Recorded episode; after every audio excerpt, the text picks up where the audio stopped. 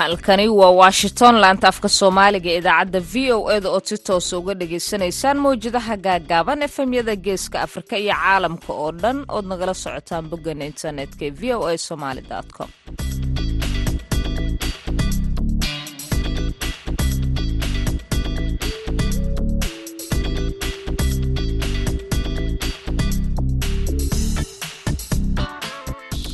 duhur wanaagsan dhegeystayaal dhammaantiinba waa maalin arbaca ah bisha julaayna waa afar sanadka labada kun iyo saddex iyo labaatanka.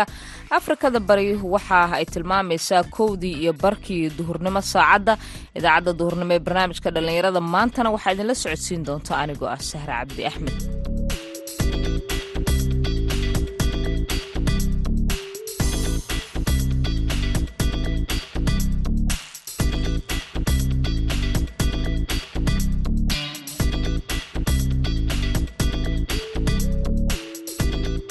qodobada aad ku dhegaysan doontaan barnaamijkeena dhallinyarada maanta. Waxaa ka mid ah dugsi ay dhallinyarada ka bartaan farsamada gacanta oo laga howlgeliyey magaalada dhuusamareeb ee xarunta galmudug. Waxaan diyaarinay brogaraamo dadku markii ay bartaan iskood inay u shaqaystaan ay suuragal tahay. Waxaana naga saacida hay'adda w f b. Brogaraamadan aan hadda qabanno. Waxay faa'iido u leedahay dadka waxbarashadii ka daahday inay xirfad bartaan xirfaddaas oo ay nolol maalmeedkooda inay ku dabaraan ay rabaan ayay ka saacidayeen waxaad sidoo kale maqli doontaan waraysi ku saabsan xaaladaha waxbarashada caafimaadka indhaha ee magaalada boorame iyo sida ay ardadu u doortaan kuliyaddaasi cayaarihii heesihii iyo qodobo kale ayaan idiin haynaa balse marka hore waxaad ku soo dhowaataan warkii caalamka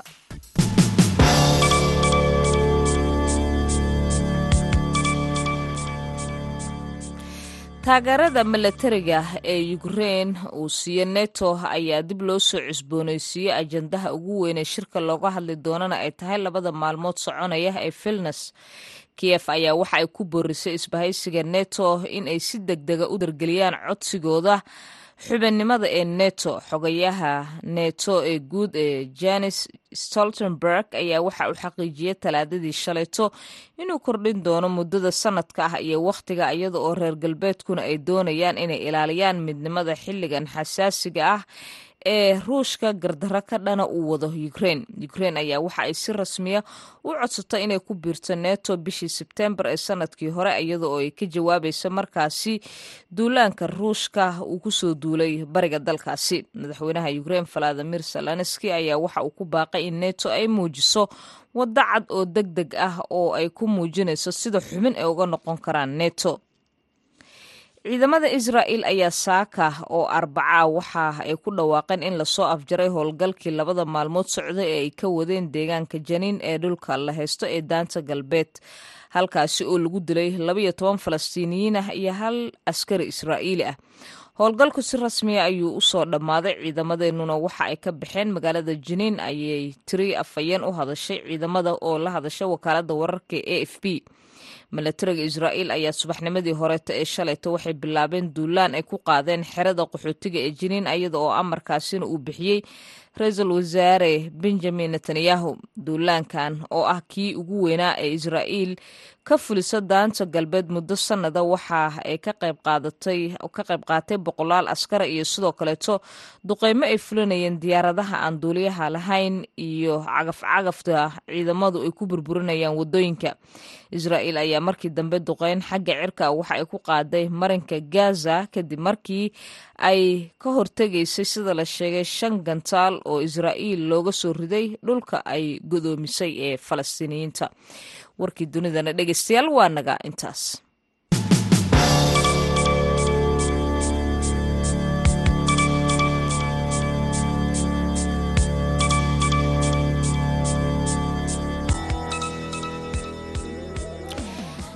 wanaagsan dhegeystayaal dhammaantiinba halkaasi wararka aad ka dhegeysanaysaanna waa idaacadeena duhurnimo ee barnaamijka dhallinyarada. Maanta aan ku bilaaba ee jaamacadda owdal ee magaalada boorame waxaa kuliyadda ay bixiso ka mid kuliyadaha caafimaadka indhaha oo ay bulshada soomaaliyeed baahi weyn u qabaan. Cabdi cilmi obsiye ayaa ka mid a dhakhaatiirta jaamacaddaasi wax ka dhiga wuxuuna waxyaabaha ay ka bartaan ardayda iyo sida ee jaamacaddu u howlgashaba faahfaahin ka siiyey wariyaha v o eda haashim sheekh cumar goot. Jaamacadda adal medical university qaybta culunta indhaha barata waxaa la asaasay toddobiyo tobankii waxaa ka qalinjabiyey ilaa imika laba dufcadoodba ka qalinjabiyey dufcaddii koowaad waxay ahayd ilaa soddon arday baa ka qalinjabiyey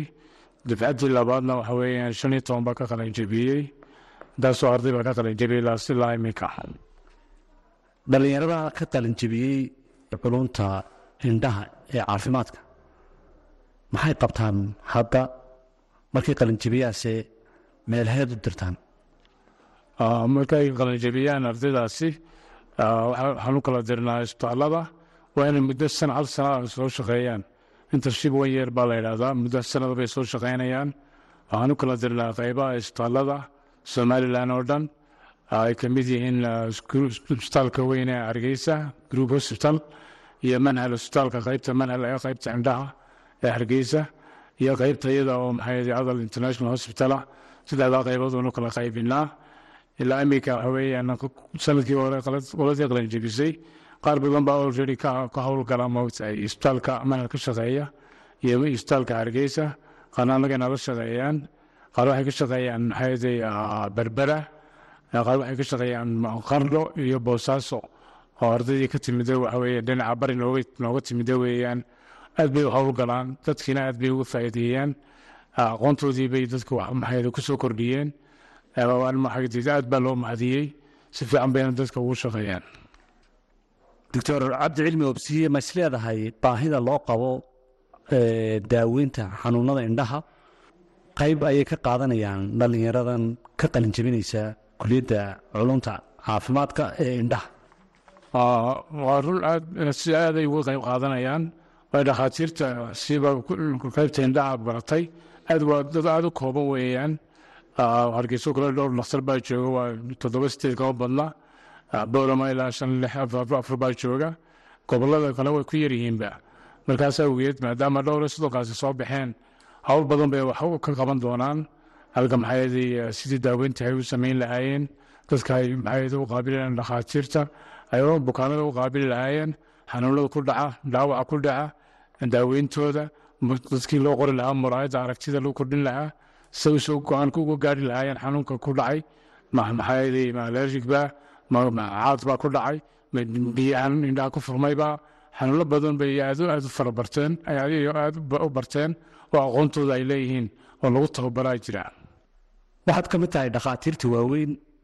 ee muddo afartan sano gaadhaysa soo shaqaynayey kana soo shaqaynayey dhinaca xanuunada ku dhaca indhaha. Bulshadeenna xanuunada ugu badan ee ay u yimaadaan cusbitaalka indhaha kuwee ka mida xanuunada u badan inta badan u yimaadaan waxa weeyaan xanuunada qaar baa moogtay indhala-aan keena. Qaarna waa cuncun iyo xasaasiyad iyo waxyaabaha la mid ah kuwa inta badan indhala-aanta keena waxa weeye shan cudur baa keena indhala-aanta kuwaasaa inta badan lagu dadaalaa in ardayga barto oo ardayga uu soo gudbin karo si dadka wax loogu faa'iideeyo oo aragtidii dib loogu soo celiyo. Xanuunada waxaa ka mid ah caadkaa ka mid ah waxaa ka mid ah maxay caadka xanuunkan biyuhu indhoo ku furmaan ayaa ka mid ah. Waxaa ka mid ah xanuunkan vitamina deficiencyga vitamin aad ay keento aragti la'aanta oo iyaguna daaweyn u baahan waxaa kaloo ka mid ah dhaawacyadii baa ka mid ah caruurtii waa moogtay gidaar bay fuulayaan shimbirlaaya isticmaalayaan waxyaaba badan baa jira. Ama dadka waaweyn baaba markay mirqaamaan jaadka intay u qaataan isu garaacayaba waa jiraan kuwii xoolo dhaqatadiiba iyaguna isdilaayay meel kastiiba dhaawac dhib baa ka soo gaaraysa kuwaasina aragti la'aan bay keenayaan waxaasoo dhan waa wax moogtay la daweyn karo oo markii xanuunkooga la ogaado waxyaabahaasaa u badana waxaa kaloo soo raacaya xasaasiyadiiba soo saacay alerjigiiba soo raacaya oo iska dhabaysi iyo siigadii iyo keenaya kuwaasina waa talooyin baan siinaa protectiona si ay muraayadii cadcadda iyo dabaysta loo qaadan lahaa si ay u qaataan talooyin baa kuwaana la siinayaa waxyaabahaasaa ka mida inta badan xanuuno kale oo aan ahayn kuwa aad tilmaantay oo ku dhaca bulshada soomaaliyeed oo dhinaca indhaha la xidhiidhaa ma jiraan. Xanuunadaasi way jiraan. Laakiin somalilan iyo soomaaliya aad buu ugu yaryihiin waa xanuunkan telekomaa la yidhaahdo. Telekomaa dadka qaarkood si khalada u turjumaan. Waxay u maleeyaan moogta inuu xasaasiyadda ka mid yahay. Xasaasiyadda ka mid maaha waa xanuun indhala-aanta keena weeyaan. Waxaana ku badan yahay waddamada dariska ah maxaa masar suudaan ethoobiya iyo inta badan looga yimaadaan. Dadkaas waxa weeyaan waxa weeye waxaa xumaada indhaha xanuun badan baa ku dhaca muddo badana oo daaf loo maleeyo. Kabacdina xiribihii baa adkaada xiribuhu markay adkaadaan timihii hoos gala. Timahaasaa xoga mawtay qaybta muraayadda madow isha la yidhaahdo ee koorniyada la yidhaahdo iyo xoqayaan. Markay muraayadaasi xoqontana qofka waxba ma arko. Isagoo toban jira ama lix jira iyo maxay timahaasi xoqayaan? Isagoo toban jira lix jira daadiiba gaadhi caadka iyagoo fadhiisanayaan dad badan baa sidaas ku ilabeela inkastoo yidha somalilan aanay xanuunadaas aanay jirin laakiin waddada etoobiya nooga yimaado weeyaan. Xanuunadaas ayaa jira oo iyagu aragti la'aanta keena. Kaasi wuxuu ahaa doctor cabdi cilmi obsiye oo ah dhakhaatiirta dhinaca indhaha khibradda iyo takhasuska gaarka hawleh ee ka howlgala cusbitaalka adal international hospital iyo jaamacadda adal medical university oo ku taala magaalada boorame ee gobolka awdal haashim sheekh cumar good v o a boorame mahadsanid haashim markanna dhinacii heesaha dhammaanteenba haddaan ku wada nasanno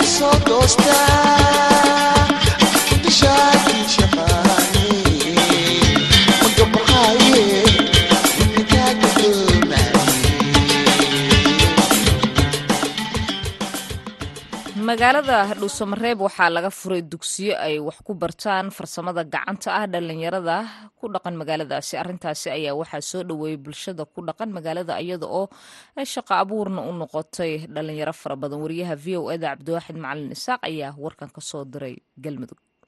Qaar ka mid a dhallinyarada degmada dhuusamareeb ayaa helay fursad waxbarasho oo lacag la'aan ah oo lagu barayo xirfado ay ku shaqaystaan. Waxaana dugsi lagu baranaya farsamada gacanta qaybaheeda kala duwan laga hirgeliyey magaalada dhuusamareeb ee gobolka galgaduud dalmar abshir nuure waxa uu ka mid yahay inji o maxalli ah oo hirgeliyey dugsiga islamarkaana gacanta ku haya qaybaha farsamada gacanta lagu bara dhallinyarada. Waxa uu v o eda u faahfaahiyey aas-aaska xaruntan iyo waxa laga faa'iidayo haddii dhallinyaradu ay bartaan xirfadaha gacanta kulista barnaamijkan waxaa la yidhahda p c c waa hay'ad macali maxalliya oo deegaanka ka tirsan hay'adaha ka shaqeeya kadbaadi markii aan aragnay bulshada soomaaliyeed waxbarashada inay muddo badan dad kasa ay ku jiraan boqolkiiba konton waxbarashada xilligii ay fara lahaayeen yimi ayaa waxaan diyaarinay programmo dadku markii ay bartaan isbed u shaqaystaan ay suuragal tahay waxaana waxaana saacida hay'adda dowli f d programmadan aan hadda qabanno waxay faa'iido u leedahay dadka waxbarashadii ka daahday inay xirfad bartaan xirfadaasoo ay maalmeedmeel ku baraan. Ay rabaan ayay ka faa'iidaya maxaa yeele qofka ku waxbarto oo bartadana wax oo ku shaqaysto oo barto noloshiisii iyo qoyskiisii iyo qaraabadiisii ayuu meel bedberay suuragalka marka sidaas ayay bulshada deegaanka ayay aad iyo aad u soo dhaweeyeen programmada oo qofkii markii uu barto oo si fiican loo tababaro uu ku shaqaysanayo dalmar ayaa qaybaha hadda ay ku bilaabeen iyo dhallinyarada fursadda u heshay inay ka faa'iidaystaan ka warramaya. Aad iyo aad umadsanta hadda waxaan wadnaa afar program oo bishii abril soo bilowday. Ilaa september meelahaas qiyaasaan ku socda lix bilood program soconaya. Programadaas oo kale ah ragga in la baro korontada iyo iyo faryaamada gacanta oo wax dhisitaanka iyo wax walba sugi jirta. Hablahana waxaan barnaa oo hadda programmadan hadda socda ku jira cilaansaarka iyo qurxinta dumarka dhammaan qurxinta dumarka wax loo yaqaan iyo dharkarinta afartaas program weelashu labadaas program ayay kala xulanayaan. Oo qof walba anagoo kula talina qof walba markaas wixii uu jecel yahay oo riwaayadiisa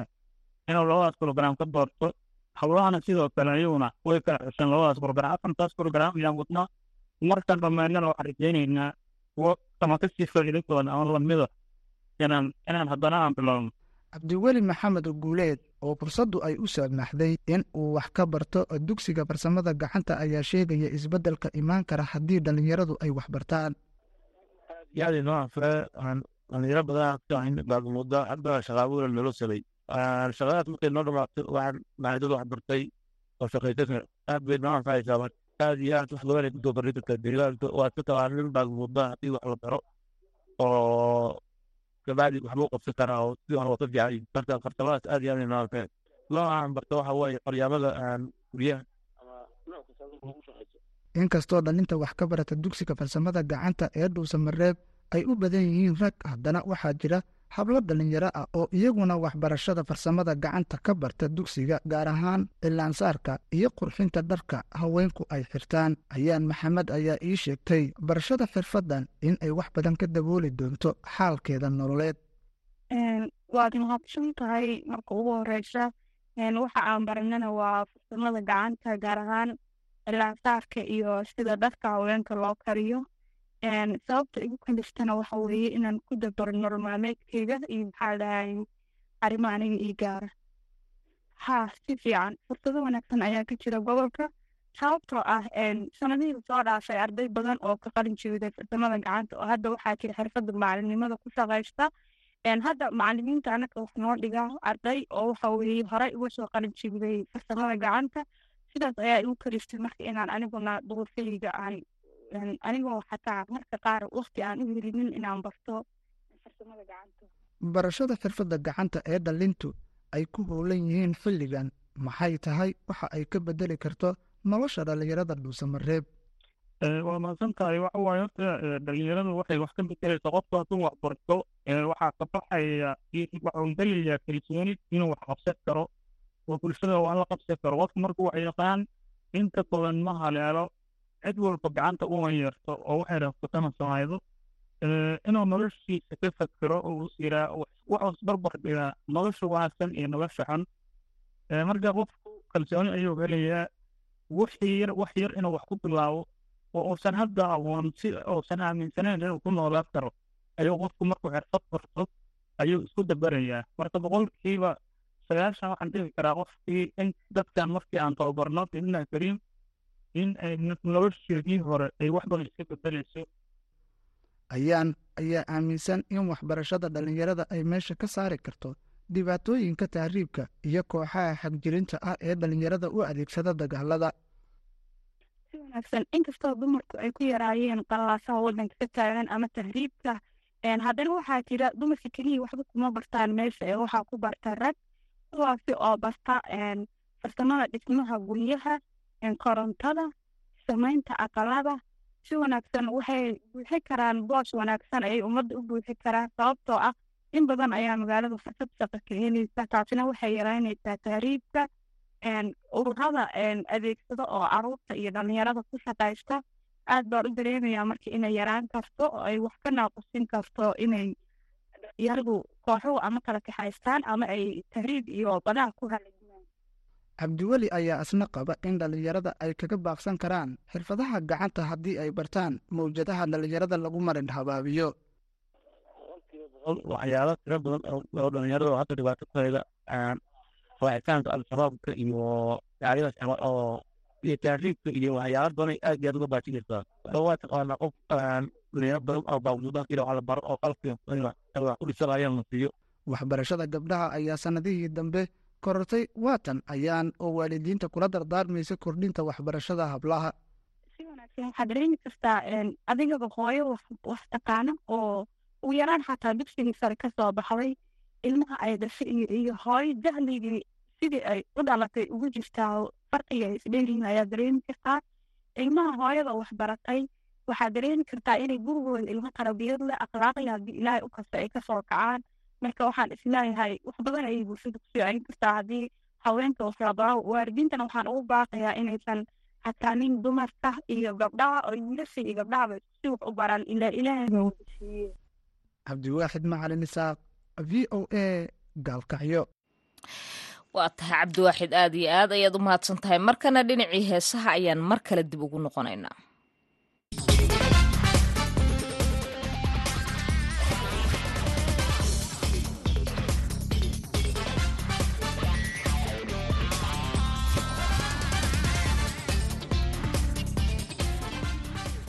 kulan wanaagsan dhegaystayaal dhammaantiinba kuna soo dhowaada xubinta ciyaaraha. Aan ku bilaabay koobka qaramada yurub ee ciyaartooyda da'doodu ay ka hoosayso koob iyo labaatanka sano. Ayaa haatan la soo gaaray ciyaarihiisa semifinalka iyadoo waddamada ingiriiska iyo israa'iil sbain iyo yukrain ay fooda isdari doonaan. Kulanka hore ayaa waxa uu dhex marayaa waddamada israa'iil iyo ingiriiska waxaana labadan kooxood ay isi soo arkeen ciyaarihii gruubka oo isku gruub ah ka soo baxeen. Ingiriiska ayaana kulankaasi laba gool iyo waxba ku soo badiyey dadka ciyaaraha ka faallooda ayaa haatan ku saadaalinaya kulankan in qaranka ingiriisku adkaan karo. Laakiin tababaraha xulka qaranka ee ingiriiska ayaa waxa uu sheegay in qarankiisu aanu u muuqanin mid si hordhaca guusha loo siisiin karo waxa uuna sheegay in ciyaar adag ay kala kulmayaan xulka qaranka israa'iil qaranka ingiriiska ayaase waxaa ka maqan ciyaaryahanka qadka dhexe kaga ciyaara u ciyaara kooxda kubadda cagta astonvilla ramsey oo isagu intii uu tartanku socday ka mid ah xidigaha garoonka ka muuqday. Si kastoo ay tahaba xulka qaranka ingiriiska ayaa loo saadaalinayaa inuu ciyaarta kama dambaysta u soo gudbi karo. Waddamada sbain iyo ukrain oo iyaguna kulmaya ciyaarta kale ee semifinalka ayaa si weyn isha loogu haya ciyaaryahan modrig oo kooxda kubadda cagta ee chelsea ay lacag ku dhow boqol milyan kala soo baxday ayaana ka mid a xidigaha horkacaya xulka qaranka ee ukrain waxaana uu xidigu haatan sida muuqata tartankan ka dhigay wacdaro. Ciyaaryahankan ee chelsea lacagta badan ka soo bixisay ayayna dad badan oo ah taageerayaasha xulka qaranka ukrain ka rajaynayaan inuu sbain soo dhaafiyo xulka qaranka sbain oo isaga kuwiisa da'da yar iyo waaweyn kuba ay iskusi kubadda u ciyaaraan ayaa ka mida waddamada loo saadaalinayo hanashada koobka da'yarta koob iyo labaatan jirada ee qaramada yurub. Dhinaca iyo haddii aan jalleeco suuqa kala iibsiga ciyaartoydana ciyaaryahan roberto farmino ciyaaryahankii kooxda kubadda cagta ee liverpool ee ciyaareedkii soo dhammaaday kooxda isaga tegey ayaa haatan wararku sheegayaan in uu ku biiray kooxda kubadda cagta al ahli ee waddanka sacuudi carabiya. Waxa uu ka mid yahay xidiga daad sidiisii oo kale ugu rogmaday waddanka sacuudi carabiya.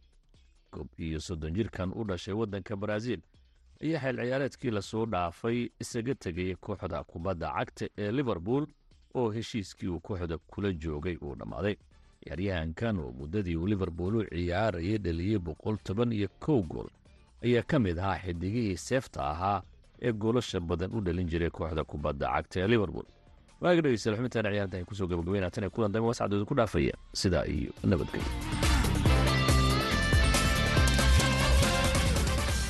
mahadsaned maxamuud mascade markanna waa heeskii aan hore idinkugu sheegay ee dabacsaneedan ku wada yaranasanayno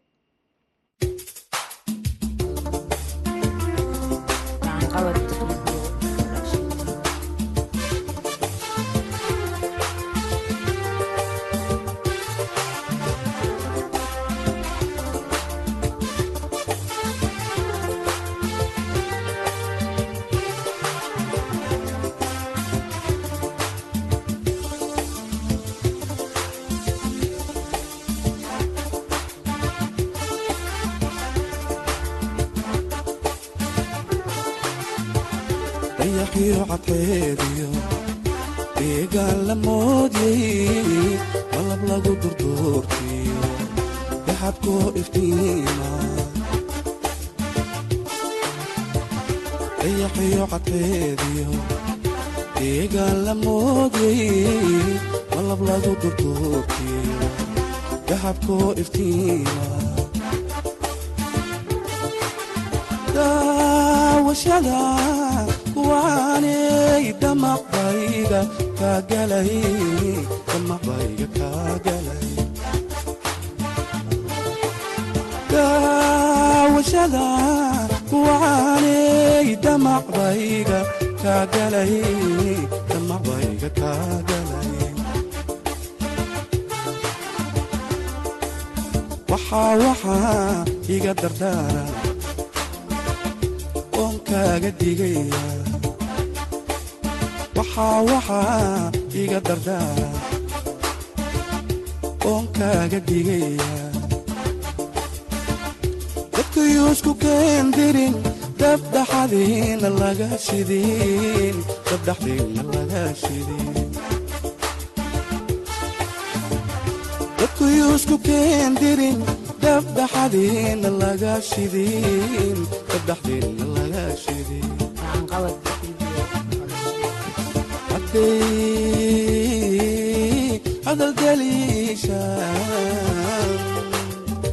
dibnahaaga haw celin hadday kula dagaalana u dulqaada weliga hadday adaldeliishaan dibnahaaga haw celin hadday kula dagaalana